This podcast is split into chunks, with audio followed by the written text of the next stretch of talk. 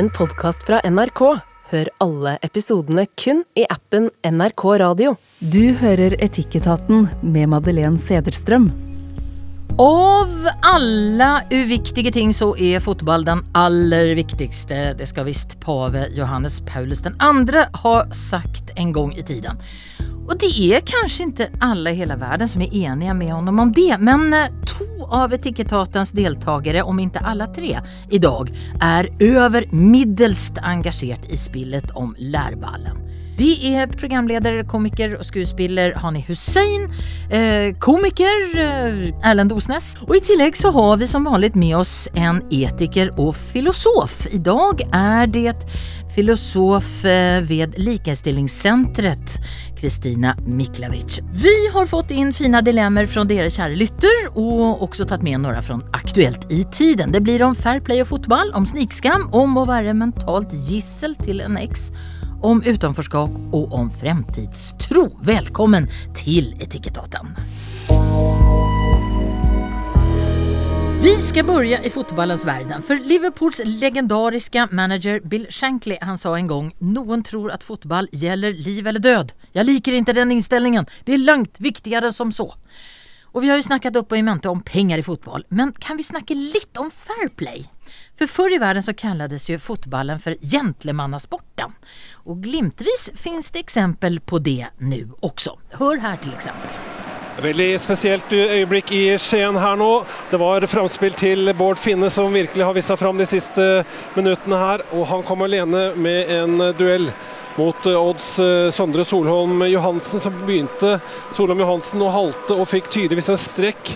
Og så så det ut som Bård Finne da la merke til dette her og slutta å løpe. Kunne fått fri eh, vei fram og keeper eh, Valstedt, men eh, gjør veldig sportslig ting der, Bård Finne, hvis han slutter å løpe fordi han ser Solholm Johansen blir skada, og velger da ikke å ta den muligheten. I hvert fall det er sånn det så ut for meg. Han går bort til Bård Finne og takker, så det er et fint øyeblikk sportsliggjort av Brann og Bård Finne på stillingen 0-0 i Skien. Bård Finne stoppar upp i eh, en eh, ganska avgörande kamp emot Odd eh, fordi Odd-spilleren får krampe. Och dette hyllas som fair play i fotballen. Eh, Erlend Osnes, når du så det her, hva var din reaksjon? Jeg, jeg hyller jo at han, at han er et rettferdig menneske. Eh, det må jeg jo si. Og jeg føler jo at det er en bra ting, men jeg hadde blitt så forferdelig forbanna og irritert hvis en Glimt-spiller hadde gjort det samme. Jeg hadde, jeg hadde spist gulvteppet på stua, jeg hadde kasta ting. Jeg hadde fått fullstendig angstanfall. Hani Hussein, din reaksjon på Bård Finnes fantastiske fair play-moment? Jeg er ganske enig med Erlend, egentlig. Hvor jeg er sånn, vet du hva, Dette er the beautiful game. Dette er grunnen til at vi liker fotball. Det er disse flotte historiene, og du gjør det, og gratulerer. Men vi skal jo vinne fotballkamper! Ja, ja, ja. Nei, jeg vil jo at laget mitt skal vinne. Her er greia, Han er i en tap-tap-situasjon. For at hans egne fans kommer til å hate han eh, fordi han eh, ga fra seg en gyllen mulighet til å score. Men problemet er at alle andre hadde jo hata han hvis han hadde scoret. Så det er sånn Hvem vil du ha med deg? Dine egne eller absolutt alle andre? Jo, men her må, vi, her må vi, hvis vi går tilbake noen år Peter Kovacs gjorde det samme mot brannkeeper. Eh, ti år siden, type, jeg husker ikke helt. Brannkeeperen får en slags form for krampe. Han må sette seg. Peter Kovacs han bare runder han som en sandsekk og setter den rett i mål. Og han skjønte jo ingenting når alle ble sinte. Han bare ja, men vi skulle jo vinne kampen. Det er jo derfor vi er her. Han hadde ingen forståelse i det hele tatt. Og da må vi hylle det også, tenker jeg. Da må vi kan kunne si at jo, jo, men han har, rett, han har rett, ikke sant. Det er derfor vi har møttes her i dag. Vi skal vinne. Så hyllebacke. begge. Kristina, du spilte fotball eh, ganske aktivt til du var 5-26? Ja, rundt der. 27 Ja, jeg tror rundt 20 Ja, rundt der. Eh, og jeg syns jo det her er en veldig spennende tematikk. Eh, for jeg husker Da jeg vokste opp, så husker jeg tenkte mye på Var veldig interessert i filosofi fra jeg var lite barn. Ikke det at jeg fordypa meg i teorier, men undra meg veldig mye. Og på fotballen, så det med fair play syns jeg var kjempespennende. For det var sånn Her er det mye samspill. Og det er noe med hva er det som fotballen kan representere av moralitet og etikk, og hvordan, og hvordan da fotballbanen kan bli et lite univers som kan representere ok, hvordan skal vi samspille i verden. Det her syns jeg er kjempespennende. og altså Vi kan dra litt tilbake til eh, grekerne og med dydsetikk også, og tilbake til Aristoteles, som er det at man fokuserer på handlingens karakter heller enn regler for riktig atferd. Eh, så sånn sett så er det noe med at ok, se, gå, gå, frem som et godt eksempel for hvordan man kan være et medmenneske, også i et konkurranseprega spill. Så ja. dette syns jeg er gøy. Ha, har ni, finns det, er det rom for fair play med så mye penger som det er i fotballen? Jeg tenker at fotball har en liten identitetskrise om dagen. Om det skal være fair play-spillet, spillet vi alle er så glad i, eller om det skal være et regelspill. Det er jo ikke lenge siden Fullheim kom til en Europaligafinale fordi de hadde færrest gule kort i Premier League. Altså, Jeg tror de havna på ellevteplass den sesongen fordi de var snille i løpet av sesongen. Mens nå så er det sånn herre Man kriger om nebber og klør for å få den europaligaplassen. Du må havne på femteplass. Det er det eneste alternativet. Sånn at fotball har fått en helt ny identitet. De er på vei i en retning de ikke helt vet hva det betyr. Fordi veldig lenge så har det blitt hyllet. Igjen, the beautiful game, vi er så glad i det. Du kan danse fra Sør-Amerika. Du kan ha den derre 4-4-2 relasjon til Egil Drillo Olsen, men det er fortsatt kjærlighet i bunnen. Ja, er du enig, Ellen? Nei, altså, eh, eh, The Beautiful Game, det er, det er fryktelig lenge siden. Vi går rundt her, vi er så privilegert. Vi er knappe fem millioner mennesker med ræva full av oljepenger. Så sånn, men hva betyr det? Vi må være snille, vi må ordne. Og så kommer vi ut i Europa, og så vi klappa rett ned. For der haler de ut tida, og de faker, og de filmer, og de har vondt.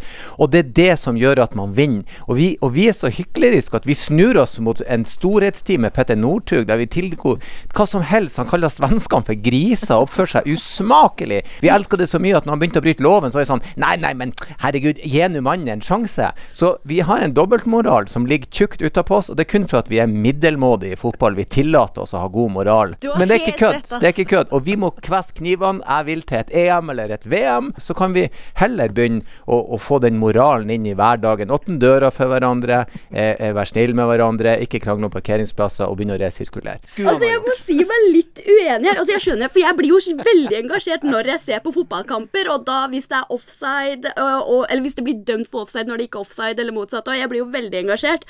Men eh, det er noe med eh, I dag blir jo fotballspillere eh, idolisert. Det er, det er, nasjonshelter, det er verdenshelter. Mm. Og det er noe med det moralske ansvaret man også har. Ja, det er en jobb de gjør. Det er en jobb de får betalt for. Men likevel så syns jeg at det er elementer av uh, moralitet og etikk. fordi at det er noe med Det er flere nivåer her òg, da. Hva er normene i fotballen? ikke sant? Det, som du sier, det hverdagslige. Det er kjempefå skeive innenfor herrefotballen som er åpne f.eks. Og, det, og da er det noe med ok, hvis Den medmenneskeligheten som er i fair play, kan ikke det være med å utvides litt til å skape et større rom? Men jeg må bare spørre deg, Kristine. Ja. For at du eh, kaller deg for en feministisk eh, filosof. Eh, er det mer fair play i kvinnefotball? Ja, altså, jeg Basert på de Instagram-reelsa jeg ser, så vil jo jeg si det. Det er det ikke. Det er det aldeles ikke. Det er folk som vil vinne, og jeg, er helt enig med deg. Det er for få skeive i fotballen som tør å være åpen på det. Men det fikser ikke vi på fotballbanen. Det fikser mye med hva vi vil fortelle ungene våre. Og det der, det, den, De holdningene de forskyves. Det tar tid. På fotballbanen så tenker jeg at eh, eh, eh, Hva det skulle ha med Hvis Bård Finne stoppa opp, da. Skal en fyr i garderoben Nei, dæsken! Så ikke hva han gjorde, da kommer jeg ut og skaper. Da, da slipper jeg skammen min pga. Bård Finne, denne lille Altså, det er ikke snakk om det. Jeg føler ikke de to henger sammen. Ja, vi, vi trenger mer moral. Uh, utvilsomt og bedre, eller riktigere, eller mer tidsriktig, er kanskje det beste å si. Men at vi skal skape det gjennom fotballen vi, det, og det her er problemet, for vi gjør sånne ting. Vi er sånn Ja, nå skal alle oppføre seg ordentlig mot skeive, og så har vi noen flagg, ikke sant, og så har vi en fotballkamp, og drikker Pepsi. Og så tror vi at vi har bøta på et problem, og så har ikke vi gjort noen ting. For vi har ikke snakka med noen, vi har ikke endra noen holdninger, men vi har solgt Pepsi, og det var det. Har ni, er, det mer, er, det mer, er det mer fair play i kvinnefotball? Nei, det er jo ikke det. Jeg heier på Arsenal, det er min favorittklubb. Og jeg tror fem jenter har røket korsbåndet denne sesongen her. Og det kommer ikke fra fair play, det kommer fra ganske stygg fotball, faktisk. Men jeg tenkte på et poeng som Erlend har hatt tidligere, og det er jo det at moral er et privilegium du har hvis du er dårlig. Da kan du være så fair du bare vil. Du kan være så søtt, fordi konsekvensene er ikke så store. Fordi du kommer aldri til å vinne uansett. Men Kristina, finns det, finns det då inte rum för fair play i, i toppidrett og, og toppfotball? Altså, Jeg syns jo at det, det fins rom for det. Eh, det handler om hvilke valg man tar, og ja, hvilke prioriteringer eh, man gjør, egentlig. Om man lar stoppe spillet, så er det jo ikke det at noen kommer ut, men det er eh, av eh, garderoben istedenfor å kalle det skapet. men det er noe med de ringvirkningene det gir. Eh, Her skaper vi trygge rom. Og så, da sier jeg ikke det at man skal gå rundt og holde hverandre i hendene på fotballbanen. Det er jo etterpå når man tar hverandre i hånda og sier takk for kampen. Og på engelsk så sier man jo good, good game, i hvert fall det vi gjorde da jeg spilte på fotballag i USA. Eh, veldig amatør. Jeg var mer benkesliter, eh, kanskje fordi jeg var for opptatt av fair, play, hvem vet. Men da var det alltid good game. Så er det flere ganger jeg tenkte ja, hva er det her good game egentlig? Men så også fair play det med å eh, fake skader, hvor man eh, blir Det er en ren takling, eh, eller kanskje en stygg takling, men som fortsatt er innafor. Og da eh, faker spiller for å prøve å få et frispark, og det er jo noe man gjerne ser mer i herrefotballen. Er de, er de tøffere, damerna, eh, Erlend? Eh, nei, det er de ikke. Men det er mye gøyere å sette opp som et narrativ at damer tørker blodet og fortsetter mens menn ligger og ruller. Eh, og så er det jo også liksom hvordan velger du å spille spillet. Kan jeg skaffe til en fordel med at jeg ligger litt nede nå, eller skal jeg røyse meg og la blodet renne som en villmann? Jeg vil nok tro at der er en, en, en, en altså Sånn ut ifra mitt ståsted, jeg har ei, ei datter som spiller fotball, og sønner som spiller fotball. Og jentene er litt kulere å henge med, for de er ikke så eh, Altså, de har litt bedre moral. De, de har det mer gøy når de spiller. Og det er basert på det jeg har sett av barneidrett. Guttene, sønnen min, som var så uheldig å ikke skåre nok mål en kamp, så var det jo et helsikas liv hjemme i en hel dag. ikke sant? Så det, men det, det finnes damer som er sånn òg, er helt sikker på. Man skal liksom ikke generalisere. men jeg tror liksom at Jeg tror ikke det er noe, jeg tror ikke det er noe større forskjell, men jeg, men jeg tror liksom at siden eh, herrefotballen har vært under mer interesse, så har man kommet lengre i sluere måter å vinne på. Og jeg tror at hvis damefotballen fortsetter å utvikle seg som den har, så blir vi å finne damer som ligger og ruller rundt i krøllen sin om, om, ti år også, ikke sant, og faker det. Altså jeg tror at de ligger bare et hastehode foran, fordi at når, når evnene er begynt å bli så utjevna, og det fysiske er så utjevna, så er det den lille kynismen som skiller mellom ligagull og ikke. Så um, jeg tror ikke noen er noe tøffere enn noen andre. Jeg tror ikke noen er så veldig mye mer moralsk enn noen andre.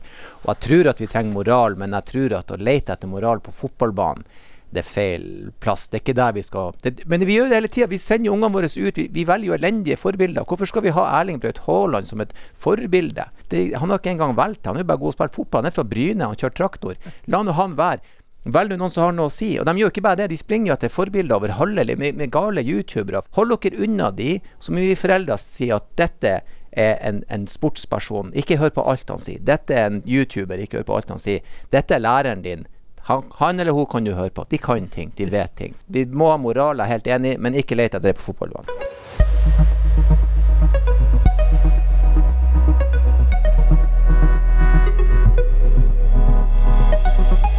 Noe av det allra viktigste med etikettaten er selvfølgelig den dialogen vi har med deg, kjære lytter. Og flere av dere har skrevet inn med kommentarer og ting rundt de program som vi har sendt.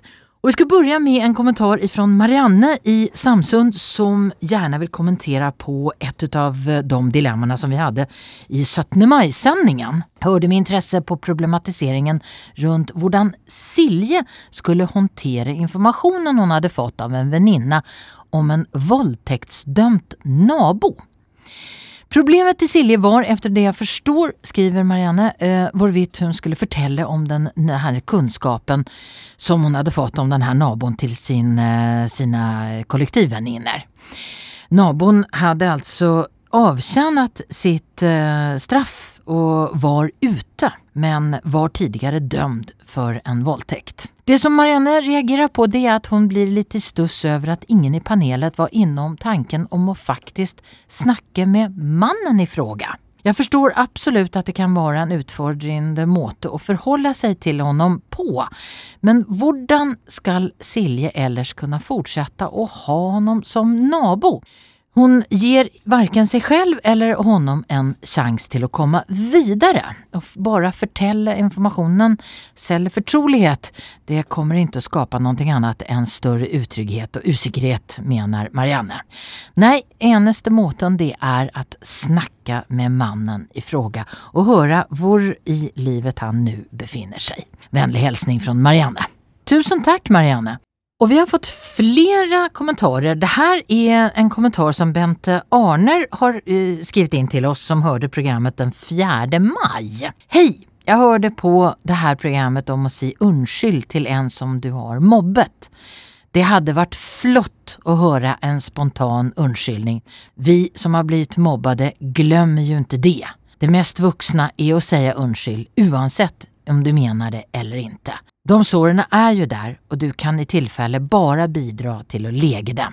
Hilsen kommer fra Bente Arner. Tusen takk for at ni sender in reaktioner. Fortsett å gjøre det. Etikettaten krøllalfa nrk.no. Og alle de tidigare programmen kan du høre på appen NRK Radio.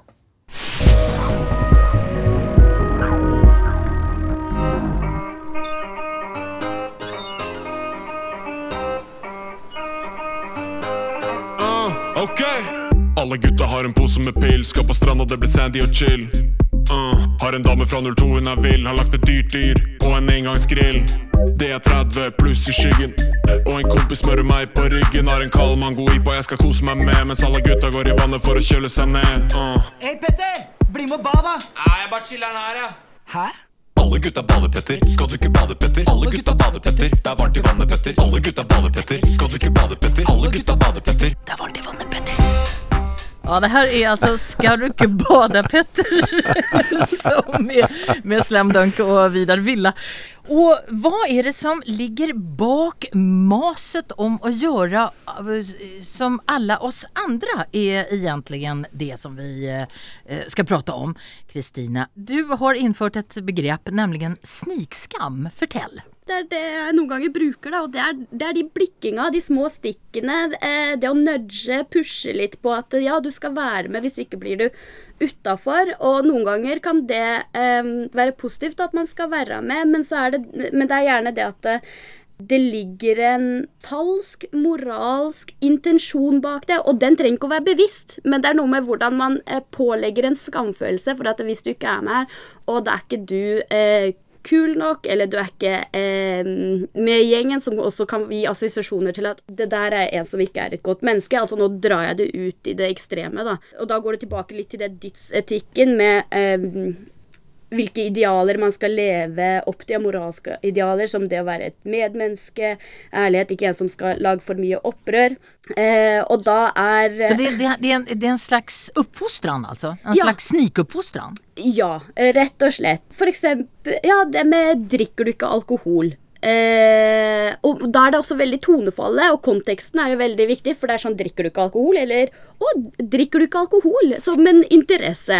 Hani, har du blitt utsatt for snikskam? Har jeg blitt utsatt for snikskam, så her er greia, jeg drikker jo ikke. Og jeg er standup-komiker, og det er mye alkohol i standup-miljøet. Men jeg har, på, jeg har skjønt at de tingene jeg har kontroll over, er ikke andre. Det er kun meg selv.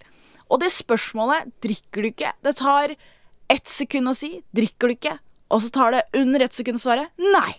Jeg tror vi tenker veldig mye på andre mennesker mye mer enn de faktisk tenker på oss. Så hvis du bare gir et hardt og tydelig svar, så er det veldig få mennesker som kommer til å henge seg opp i det. det- fordi men det tankene går videre. Ja, men det er lett, lett å si når man er, har masse med selvsikkerhet og kanskje ja, Men man kan jobbe litt- på ja. seg selvtillit. Det er ikke sånn at selvtillit er be, noe du er født med eller ikke har. Du kan lyve på deg selvtillit, og til slutt så har du sagt den løgnen såpass mange ganger at du begynner å tro på den sjøl. Hvis du bare går inn for at ok, greit, jeg er et eh, menneske som eh, Folk er veldig opptatt av vekten min og hvordan jeg ser ut. Eller ah, jeg er et menneske som ikke drikker, og folk er veldig opphengt i det. Bare bestem deg for at ok, greit, men da sier jeg nei. Og første gang, de første gangene jeg sier nei, så kommer det til å føles ubehagelig. Jeg kan love deg at gang nummer 99 du sier nei, så har du sagt nei såpass mange ganger at det har virkelig ingen påvirkning lenger. Erlend, er du utsatt for snikskam, eller har vært? Eh, jeg, jeg, jeg, jeg er 45 år gammel nå. Jeg er blitt så voksen at jeg, jeg bryr meg egentlig ikke om hva noen måtte mene om hva jeg driver med. Eh, I det hele tatt. Men at jeg er blitt utsatt for det, ja. Jeg drikker jo heller ikke, da. Sånn at uh, og, jeg, og jeg ser ut som en som drikker. Så folk stusser veldig. Sånn 'Hæ, drikker ikke du?' Så bruker jeg å si nei. Jeg drikker jo ikke fordi at jeg er forferdelig glad i å drikke, eh, og veldig dårlig på det. Jeg rente opp naken på offentlig sted og i fyllearrester rundt om sånn, og man går lei av å være han fyren. Det er veldig artig i 20-årene, men når du begynner å bli 30, så er det sånn Kan ikke jeg slutte med det her? Ble, men blev du utsatt for snikskam da? Altså, ble- Nei, var det noen som oppfostret de, deg? de som kjenner meg sant, som sånn 'Her drikker du ikke lenger'. Nei, jeg slutta. De er sånn 'Bra, vi skjønner'. Vi var alle enige om at du skulle slutte. Men folk som ikke kjenner meg, de lurer på hvorfor. Kan, men kan det være bra med eh, den her litt oppfostrende 'skal du ikke bade', Ja. Petter? For jeg, jeg måtte si det, jeg holdt på å si noe i sted. Jeg, jeg, jeg, jeg kjører motorsykkel i lag med menn på min alder. Og vi var ute og kjørte tur her om dagen, og da stoppa vi på en plass som noen skulle spise. Og der solgte de altså laks, potet og grønnsaker og cheeseburger, løkringer og pommes frites. Og da kjøpte de cheeseburger, løkringer og pommes frites. Og da sa jeg til vedkommende skal du spise det der? Og det er mulig jeg plasserer skam han, men der er 50-50 med, med, med omsorg i det også. Så eh, jeg tar den rollen sjøl noen ganger, det må jeg ærlig innrømme. Ja, kan, det være no kan det være bra i den her eh, snikskammen, Kristine? Jeg tenker at det er feil sted å starte. Skal du virkelig spise det der? Men så er det noe med å se uh, Heller spørre Ok, er det noe, er det noe bakenforliggende? Er det noe med selvfølelsen? Er det noen andre ting? Altså Apropos serien til uh, Else, for der kom det jo fram for flere at det, det er andre ting som ligger bakenfor. Og det er noe med å jobbe med flere ting samtidig. Men det du skadet ham å ta uh, avgjørelsen å, å, få å spise laks? eh, torsken eller laksen i stedet for cheeseburgeren. Nei, men så er det noe med eh, hvem sitt valg er det? Ja. Er det altså, da er det jo det at eh, vi pålegger han valget. Eh, eller oppfordrer Ja, til valget, inte, da. Er det ikke det som eh, Peter Haga snakker om her? At den här snikskammen handler At det, det er litt sånn omsorgsfull eh, uppfostran? Eh, Jeg syns det er tosidig, eh, for å være helt ærlig. For det er noe med I skam så er det flere nivåer av skam. Du har overflateskam, du har dyp skam. eh, Og når den dype skammen den går jo da knytta til selvfølelsen, og hva folk opplever og føler dyp skam for, det er forskjellig. Fordi vi er i forskjellige livssituasjoner, det er interseksjoner som påvirker de ulike identitetene og hvordan vi er strukturert i samfunnet. Og så er det da den overflateskammen. Der tenker jeg det er eh, Det kan være kanskje litt mer positivt. Selv om jeg ikke veit om jeg er enig med meg sjøl i det, for å være helt ærlig. Men det er jo noe med sant, det klassiske eksempelet. Sniker du på bussen fordi du er redd Eller betaler du bussbillett fordi du vil følge reglene, eller fordi du er eh, litt ubevisst redd for den eh, skammen overflateskammen det er å bli avslørt på bussen som når det er kontroll, noen som ikke betalte billetten sin. Den pulsen du kan få da. Men jeg tenker liksom eh, han, han kompisen min som spiste den burgeren, han, det er bare sånn kort oppsummert, han starta dagen med snus og kaffe. Han hadde ikke spist lunsj, han hadde ikke spist middag. Klokka sju hiver han inn på en burger. Da blir jeg, da blir jeg litt pappaen hans og sier jeg vet du hva, du burde spise frokost, du burde spise lunsj, du trenger grønnsaker. Og det er liksom den der han er, Skal du spise det der så mye at det ser ikke ut som du trenger det, en ganske stygg ting å si, men den der han er kompis, eh, skal du virkelig spise det der, kom igjen, er også noe vi må tørre å ta vare på. Hanni, fins det noe positivt i den her litt oppfostrende, omsorgsfulle snikskammen? Ja, det gjør jo det hvis man er i en situasjon hvor man ikke har tenkt tanken. Hvis du er en menneske som alltid går for burgeren fordi det er bare det du alltid har gjort, og så har du ikke engang tenkt at det fins et alternativ. Selv om det står der, så har du på en måte hatt dine rutiner, og da kan det være fint å ha et annet menneske som er sånn Ja, men skal du virkelig spise det? Skal du ikke ha den andre tingen? Og bare sånn Oi, wow! Det er det fine med denne snike skammen er jo Det kan faktisk åpne øynene dine for et alternativ. Og også kan det gjøre deg tryggere i egne valg. At hvis noen driver og stiller deg spørsmål, og du er sånn, vet du hva Nei! Da blir man litt tryggere på egne valg, for da har du hørt motargumentet, og du er fortsatt på den siden du allerede er. Og det også kan være en måte å bygge selvtillit på. Så det er ikke bare at det må bryte deg ned, det kan også bygge deg opp. Ja, altså det, det, og jeg må si, jeg går jo ikke bort til fremmede og Hei, skal du spise der? Jeg er jo ikke en, en, en, en psykopat. Jeg, jeg kjenner jo folk godt når jeg gir beskjed, på en måte. Men Kristina, hvis vi høyer blikken og ser hva er det som ligger bak det her med å få alle inn i follan? Eh, göra detsamma? Alltså, eh, är det som Erlend säger att, att vi ska ha med oss någon eh, när man gör dåliga valg?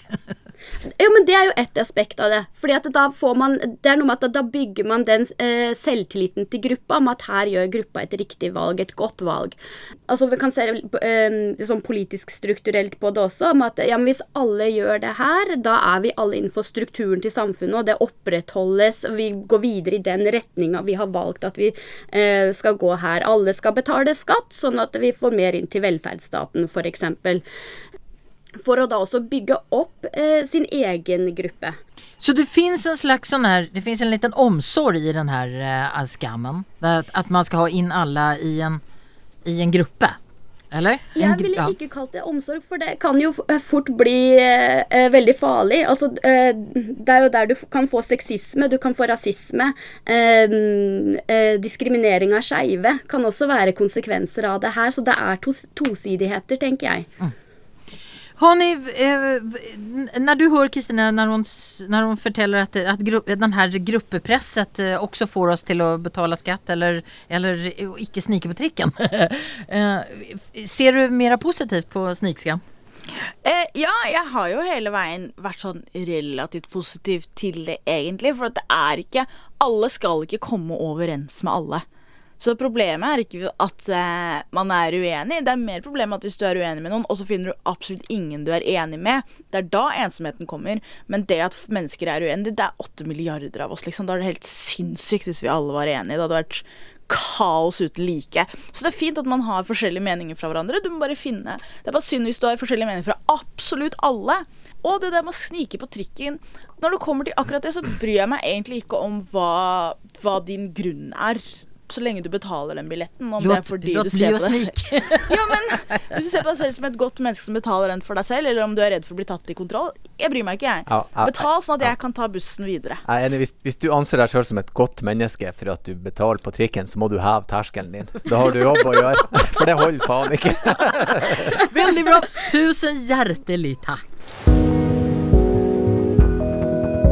Du hører på Etikettaten. I panelet i dag sitter programleder og eh, komiker Hani Hussein Og programleder og komiker Erlend Osnes Og filosof eh, Kristina Miklavic. Jeg heter Madeleine Cederström. Hej! Etikettaten skriver Konrad. Jag sliter med att samarbeta med mina barns mor.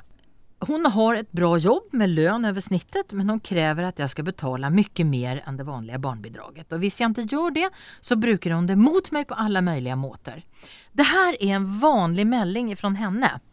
Du kan, och nu säger jag fula ord, kära lytter, så att du, får, du som inte tycker om det här, du får bara hålla för öronen. Du kan fane med gå i grava med skam din jävel. Hoppas att du dör ensam och alene. Har han fått en melding. Hvis jeg forsøker å snakke med henne så eskalerer bare konflikten så jeg har lært meg at taushet fungerer bedre. Og de siste åtte årene så har jeg klart å betale meg ut av det her. Jeg har undgått konflikter med henne og det her tror jeg barnen har profiterat på. Men jeg er snart eh, minstepensjonist. Og dessutom å leve med den forferdelige trakasseringen gjør meg vondt. Hva er det riktige å gjøre? Det er først og fremst mine två barn jeg tenker på.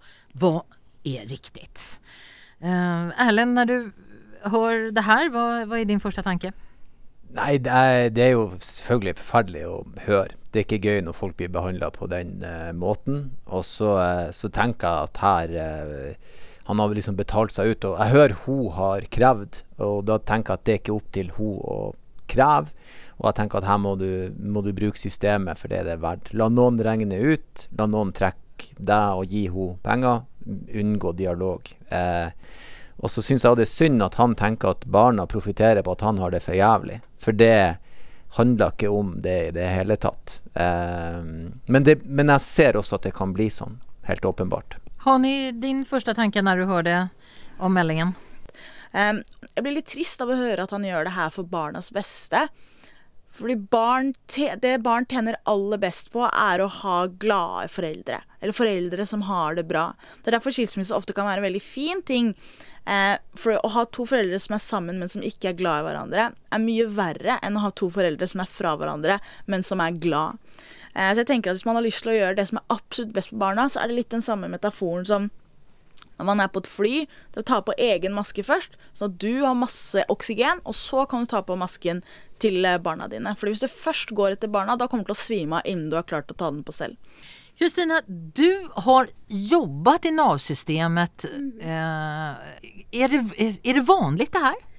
Jeg har vært borti tilfeller som er veldig skremmende likt Jeg har Sett eh, kopi av e-postutvekslinger som er lagt ved søknad om fastsettelse av bidrag, hvor man ser at det her er dessverre ikke relevant for saken, men hvor det er såpass sterke ord som blir brukt.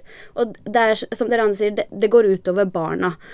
Så det, det, jeg ville gjort, og det oppfordra Konrad til, er egentlig å sende en søknad. Kan hende han det, har gjort det allerede, men å sende en søknad om fastsettelse av bidrag hos Nav. Um, for da er det det at det, og kan be om NAV at Nav innkreving skal kreve inn det via skatteetaten. For det er noe med det at det, da skal Konrad kun betale det bidraget som er fastsatt fra Nav. Og da er det mor som faktisk i denne situasjonen er ansvarlig for at, uh, å dekke resten av utgiftene. Konrad skal kun da betale det bidraget. Men da går han i direkte konflikt med barnens mor. Hvordan ja. Mår barnen da? Ja, det vil jo Jeg, altså, jeg kan jo se for meg at uh, mor uh, Altså, vi vet jo ikke om mor kun sier det her til far, eller om hun også snakker slikt om far til barna. Eh, så det kan også være eh, en utfordring her for Konrad. Men det vet vi jo ikke her nå. Det, ikke, Men, ja. altså det vi vet, er at Konrad eh, får sånne her meldinger. Det her er en vanlig melding, skriver han. Mm. Eh, og så har han betalt seg ur det hele for, at, for barnens skull. Er det en måte som man skal gjøre det på? Nei. Nei, nei, nei. Han, han Altså, det, det, det, det, blir litt sånn blir sagt her at, at, vi vet jo ikke hvilke meldinger som Altså, vi vet egentlig bare at han får sånne meldinger. Ja. Så hvis du da sier at da skal ikke jeg og du, min tidligere å si, altså mora til ungene mine, vi skal ikke ha kontakt, dette tar Nav, så har ikke vi noe med det å gjøre. Og så må jo han da for praktiske årsaker eh, ha kontakt med mora for liksom Når skal jeg ha barna og sånn som barn så skjønner man nå, ikke sant, litt. Man forstår. Vi har en tendens til å undervurdere ungene, men de ser konflikten. Mm. Så hvis du er ærlig med ungene dine eh, i den grad de kan takle og si at jeg og mor de har dessverre ikke den beste dialogen, men vi kan ha det fint. Og det er ikke deres ansvar at vi skal ha det bra, det må vi sørge for sjøl. Og, og, så lar man det ligge, og ikke nevne det. Så hvis de sier vet du hva mamma sa, så er det bare å si at vet du hva, eh, vi kan snakke om noe hyggelig heller. Han burde sette foten ned. Ja, sett ned mm. foten, bruk systemet og ha klare linjer. Du og jeg kommuniserer kun om, om, om, om samværet, og, og, så se fremover. Eh, og det kommer til å gå bra. Men, men ja, bruk Nav. Har, ni, eh, har du noen tanker omkring eh, det som er blitt sagt? Ja, det Hovedtanken min er at barna får med seg mye mer enn eh, hva kanskje far tror i dette tilfellet. Og at barn er ikke passive, barn er ikke dumme. De er veldig observante. De, hele personligheten deres er bygget på at de ser andre gjøre noe, og så velger de om de skal gjenta den oppførselen, eller om de skal ha en motsatt type opp oppførsel. Så de er egentlig de mest observante av oss. Og som jeg sa tidligere, det de tjener mest på, er å ha to voksne mennesker i sitt liv som begge tar vare på seg selv. Kristina, mår ungene bedre av at far legger seg flat? Ja, jeg tenker nei. Eh, fordi det, det, handler også om hva slags eksempel er det også far setter for barna sine. Eh, om hvordan man eh, skal føye seg, og, og, hvordan man står opp for seg sjøl. Men også hvordan man står opp for barna sine i det her. Så jeg tenker nei. Det er så synd at han, Konrad velger å eie det her, men det er dessverre en litt sånn mannfolkmåte å gjøre det på. Mm. Bite i det og gå videre. Han føler på en skam for at han forlot, han ikke er der for ungene.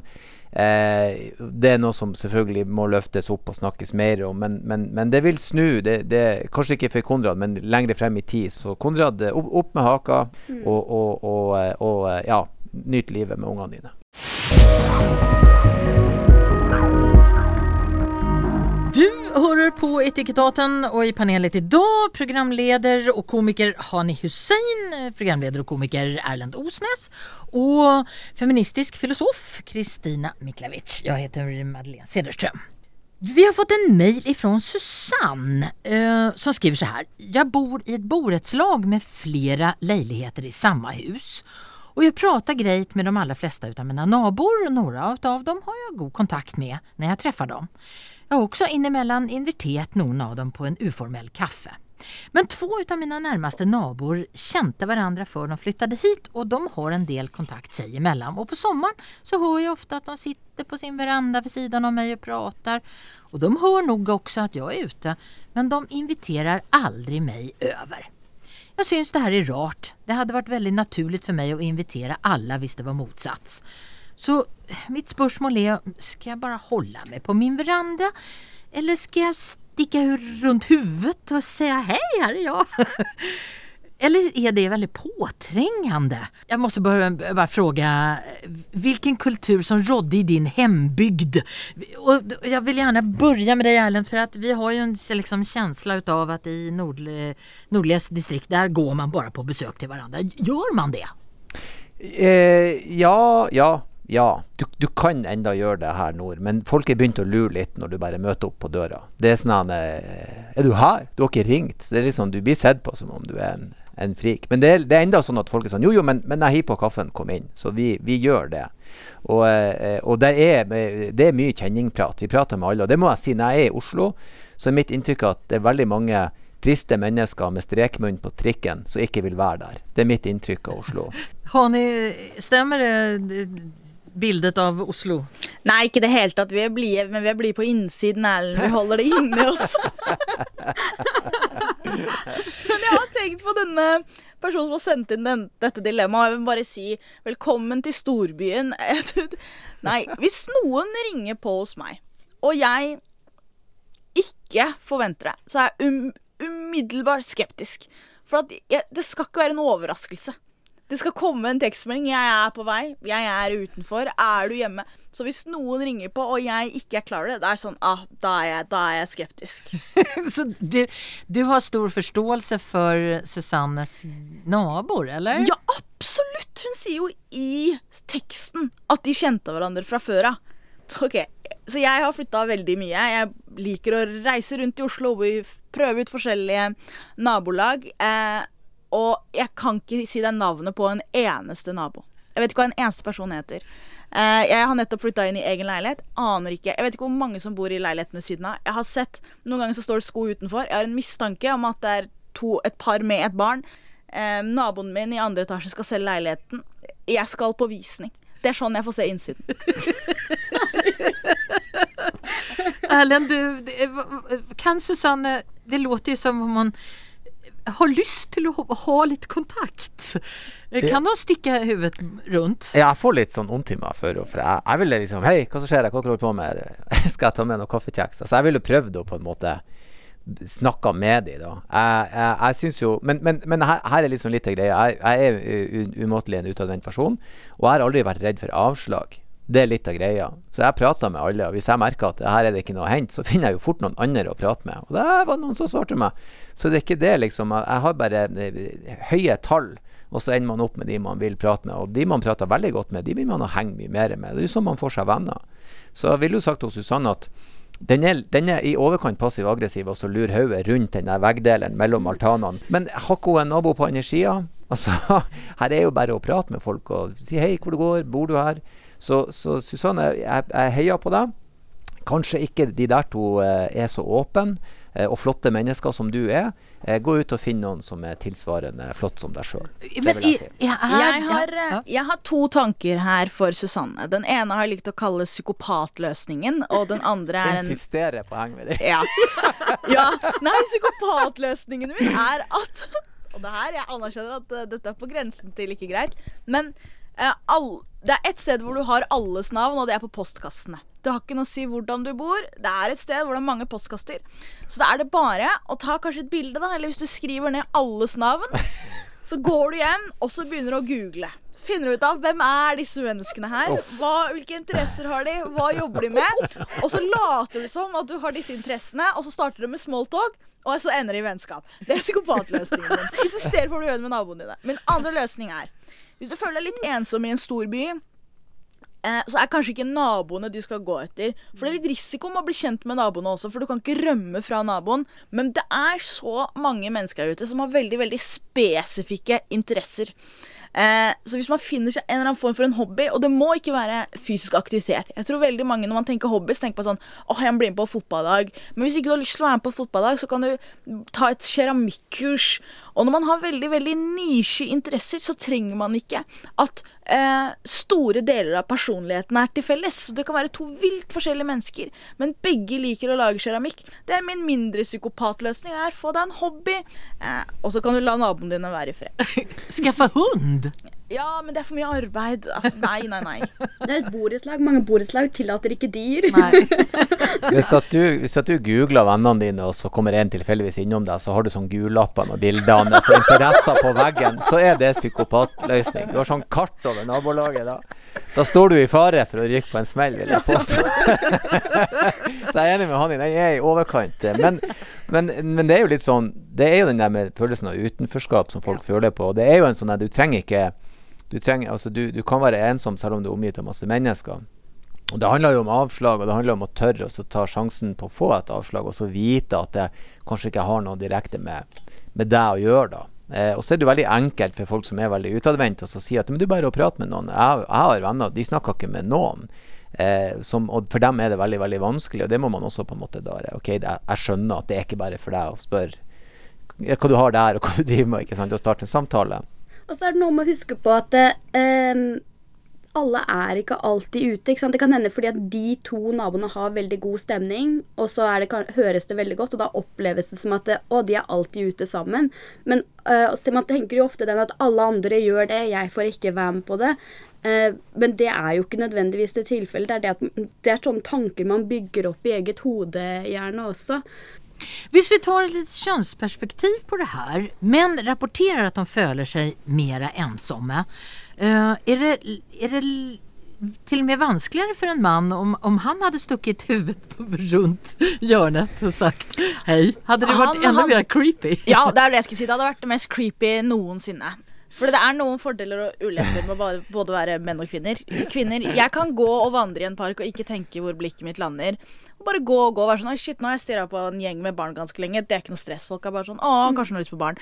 Hvis en mann er i nøyaktig samme situasjon og tenker akkurat samme som meg, bare blikket bare vandrer, da er du den mest creepy duden i gata. Ja, ja da, du, må, du kan ikke bare gå og se på folk. Nei. Ja, Kristina, det er jo mest menn som føler seg ensomme. Det, ja. ja. og jeg tenkte på, Vi vet jo ikke om det er to damer på andre sida av veggen, eller om det er to menn. Jeg, ut, jeg har gått ut ifra at det er to damer, men hvis vi tenker at det er to menn, da, og eh, og Susanne er mann, og stikker hodet over eh, veggen og tar initiativ. Altså, ville dynamikken vært annerledes da? Og da, da, hvis vi trekker litt til filosofi igjen, da, og tenker kanskje litt ansvar Det er jo ikke noe hemmelighet, det er ganske utbredt informasjon at menn topper selvmordsstatistikken, dessverre. Så det å invitere da den sier ja, kom over til den mannlige naboen, kan jo være forebyggende tiltak eh, eh, mot ensomhet. Eh, bare, har, ja. har, vi større ansvar for å invitere ensomme menn enn ensomme kvinner? Ikke sant? har vi det, har vi det Ellen? Jeg kan ta på meg mannsrollen siden jeg er en mann blant tre damer. Og eh, jeg, må, jeg, må, jeg, er veldig, veldig glad i damer. Jeg har vært opptatt av damer ja, i hele mitt liv. Men jeg vil gjerne henge med menn. Eh, og jeg tror vi gutter utenforskapet av menn kanskje kan skyldes at vi gutter er ikke noe flinke å anerkjenne at det ser ut som han sliter. Vi er ikke noe flinke å mm. inkludere. For at vi er liksom sånn skal vi, I hvert fall min generasjon der følelser er noe du overhodet ikke skal engang dele. Så jeg tror nok at her må mannfolkene ta litt ansvar. Og liksom, ok, Hvordan går det egentlig med kompisen vår? Skal vi spørre han? Eh, jeg har jo hatt samtaler med andre kompiser der vi har liksom vurdert skal vi spørre vedkommende hvordan han egentlig har det. Og det har jo kokt ut til at nei, vi venter og ser hva som skjer. Så det er en litt sånn der, eh, Det å ta litt ansvar for, for, hverandre, og det å tørre å vise følelser og tørre å være sårbare, er nok enda noe som både gutter og, og mannfolk må, må, begynne å gjøre i større grad. Kristina, du får avslutte det hele. Det er litt spennende at du sier akkurat det med aldersperspektivet For jeg kom på, Da jeg var med på Mannsdagen i Oslo i fjor, så eh, var det en gjeng unggutter på togstasjonen, og så skulle jeg filme de eh, og spørre eh, hva tenker dere er det viktigste å fokusere på for menn. Det er mannsdagen i dag. Og det de sa, var psykisk helse for gutter. Det er så viktig å få på agendaen, fordi det er så mange gutter som har utenforskap. Så jeg, jeg bare vil applaudere det du sier, Ellen.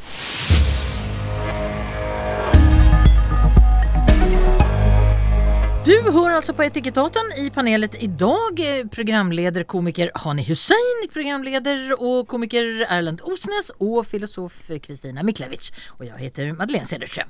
Vi har fått mejl ifrån Christer som skriver så här. Jag är väldigt pessimistisk när det gäller jordklodens framtid. Vi ser daglig varmerekorder bli slått, tørke eller flom og aldri før har det blitt målt så mye CO2 i atmosfæren som nå. Jeg er redd for våre barns framtid. Hvis jeg var ung i dag, hadde jeg ikke turt å sette barn til verden. Kanskje det ikke blir så ille som jeg frykte, men mitt dilemma er skal jeg si til mine unge kolleger som planlegger å få barn hva jeg tror står på spill? At jeg selv ikke vil ha turt å få barn fordi vi sannsynligvis er på vei inn i en katastrofe. Eller skal jeg la være å si noe? Ja, kjære panel. Uh, ska vi begynne med å ikke svare på spørsmålet, men uh, uh, går verden til helvete Hani? Svaret er jo ja. Men spørsmålet er eh, veldig fort eller relativt fort eller litt sakte? ja, hva tror du? Nei, jeg tror relativt fort. Du, du er pessimist alltså? Nei, jeg er ikke pessimist. Jeg føler meg, jeg føler meg som en realist. Jeg er bare sånn Vi må gjøre ganske drastiske endringer for å, for å stoppe det her. Vi er jo i en situasjon hvor vi trenger at det er gigantene som må stoppe. Altså, jeg kan resirkulere så mye jeg vil mellom plast og, eh, og matrester og restavfall, men hvis vi skal fortsette å ut, bygge ut oljefelt eh, så er det sånn, Hva har det å si at jeg resirkulerer hjemme da? Hadde du turt å sette barn til verden? Nei, men det har ikke bare med klima å gjøre. Erlend, du har jo satt barn til verden. Ja. Føler du skam, Erlend, for at du har barn? Det går til helvete. Jeg har nydelige unger, og de skal bidra til å gjøre verden til en bedre plass. Og jeg tror ikke verden går til helvete.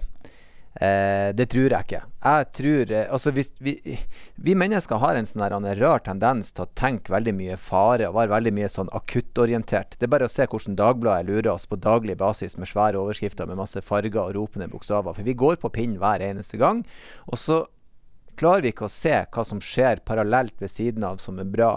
Og hvis vi ser hvor mye bedre Altså, jeg vokste opp på ei tid der, der N-ordet var like dagligdags som hei. Det, det er ikke lang tid. Vi har snudd språket vårt enormt de siste årene. Tenk på hva vi har slutta å si. Vi har skjønt hva de ordene har av betydning. Ikke bare akkurat N-ordet, men flere ting. Og vi har skjønt masse der. Det blir mye bedre. Vi har skjønt seksualitet bedre. Vi har skjønt at eh, homofile kan ha barn. Det har ikke noe å si. Altså, på 90-tallet, hvis vi som to menn skal adoptere et barn, så har jo faen meg landsbyen stoppa opp. Det har blitt fakkeltog. ikke sant? Men nå er det sånn ja, selvfølgelig, det, seksualitet har ikke noen ting å gjøre med evnen til å gi omsorg. Og hvis vi også ser eh, enkelte land, eh, eh, boforholdene blitt bedre. Men vi fôres på daglig basis med at alt går til helvete. Det er krig der, det er sånn der, det er sånn der. Men sannheten er at det er antageligvis litt bedre enn det har vært, og det er blitt litt bedre dag for dag, men vi fokuserer på det negative. Så jeg tror verden er ikke i ferd med å gå til helvete. Jeg skulle ønske jeg kunne bli 400 år gammel. Alt du sier stemmer, men det er jo bare, bare det at klima er såpass stort Mm. at alle disse tingene blir bedre. Det er veldig fint, men eh, hvis man ikke har et sted å være, så er det sånn OK, det er flott at vi har alle disse sosiale rettighetene, og flott at disse småtingene her har blitt bedre, men på et tidspunkt så må vi se på det store og det hele. Jeg, jeg, Men, noen ganger så ja. Husk på, Hanni, at, at når jeg var eh, eh, eh, eh, eh, eh, Det her er sikkert mansplaining, men når jeg var på din alder, Vær så god. så var det hold i ozonlaget. Vi skulle alle ha kreft innen ti år. Vi snudde det. Ozonlaget er tilbake igjen. Så vi klarte å snu den. Det, da tror jeg vi klarer å snu andre ting også. Problemet er at verden vår er i så sinnssykt stor skute at når du skal endre kurs, så tar det veldig lang tid før vi får endra den kursen. Men vi er i ferd med å gjøre det. Og jeg må ærlig talt si at jeg kan ikke leve i en verden der jeg ikke har trua på det. Jeg, jeg, jeg vil ikke være han fyren. Jeg vil tro på noe bedre. Jeg vil tro på kjærlighet og utopi og glede og grønne gressenger. For jeg har ikke noe annet valg. Det er sånn jeg vil leve livet mitt. Og du har jo satt barn til verden, så du må tro på det. Jeg må. Jeg er pent nøyd. Kristina, går verden til helvete sånn at du ikke vil sette barn til verden? Eh, jeg vil ikke sette barn til verden, jeg heller, men det er av helt andre grunner. Eh, Jeg veit ikke hva grunnene er. Jeg bare alltid visste jeg var barn, at få barn. Uh, når, du sier når, mener, er ikke spørsmålet hvis? Så ja. Jeg er litt av den tro at eh, jeg håper at vi får det til som eh, mennesker. Eh, får vi det ikke til, så er det nok da dø Menneskene dør, men jorda kommer til å fortsette, vil jeg tro. Tilbake til, til Christers mejl. Bör han eh, lufta sina negativa tankar med, med sina... På ingen måte. På ingen måte. Skal han sitte alene et lunsj de neste to årene? Hva du slags fyr? Alt går til helvete. Nei, nei, snakk om noe hyggelig, og så holder du det der for deg sjøl. Du skal ikke ha barn fordi ting går til helvete. Er, er du ikke invitert inn i den samtalen? Hei, bør jeg få barn? Da bør du ikke. Ja, ja det er et meg-spørsmål, ikke et vi-spørsmål.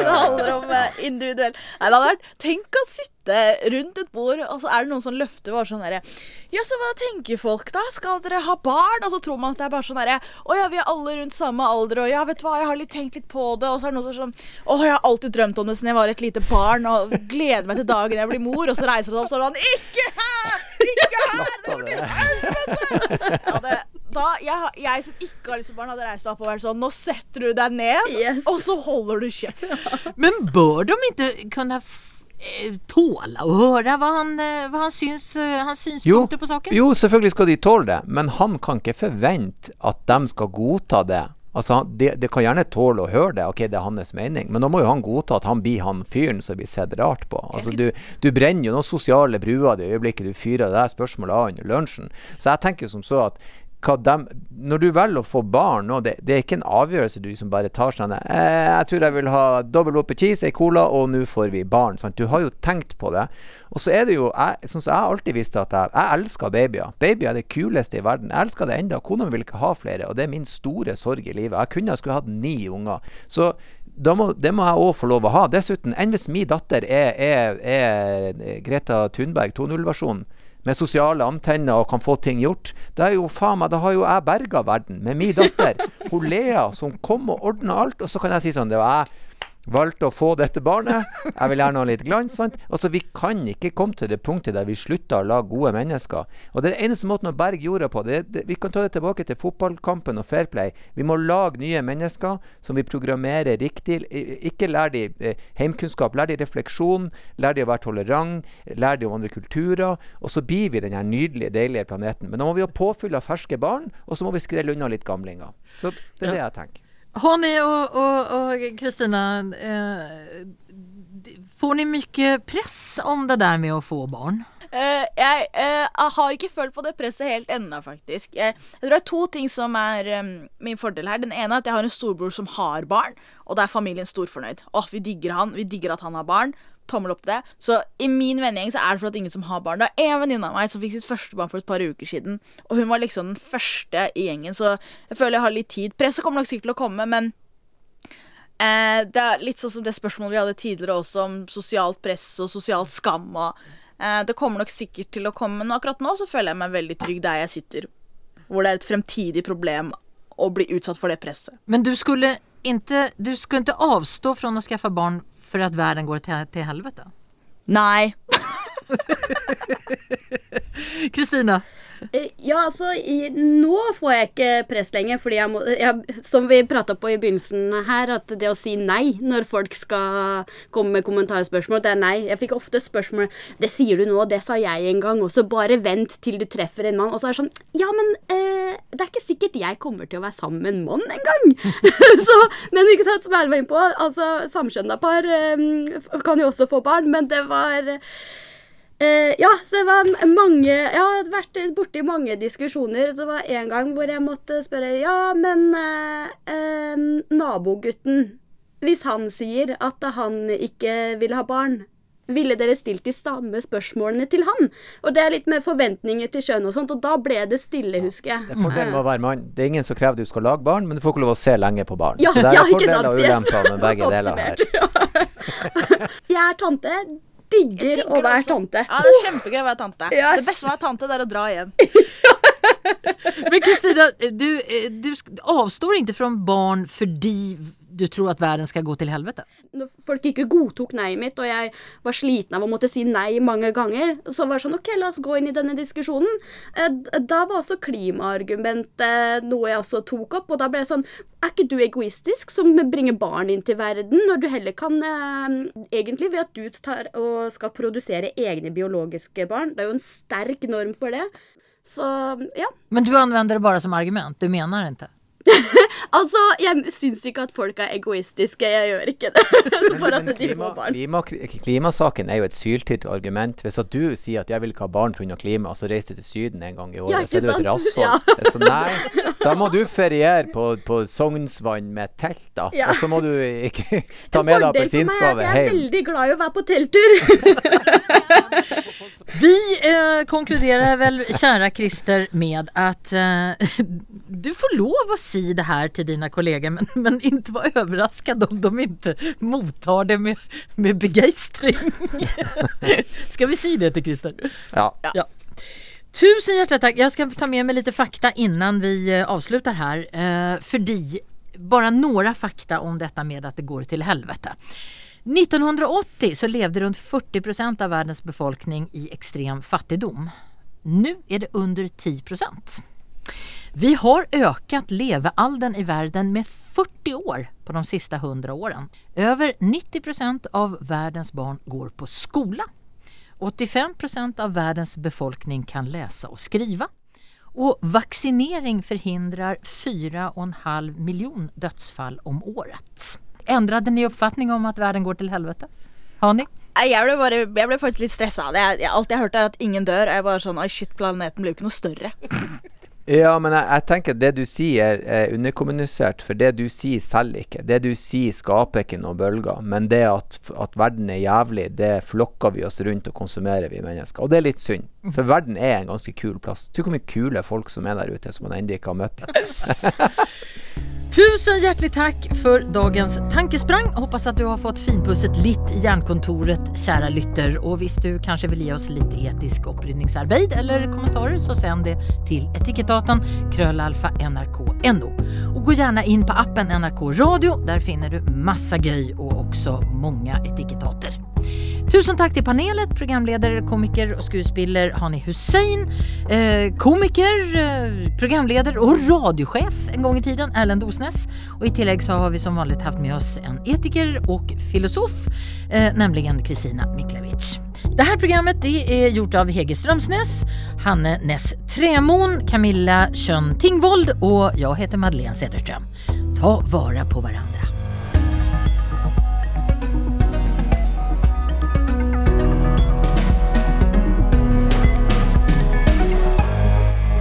Du har hørt en podkast fra NRK. Hør alle episodene kun i appen NRK Radio.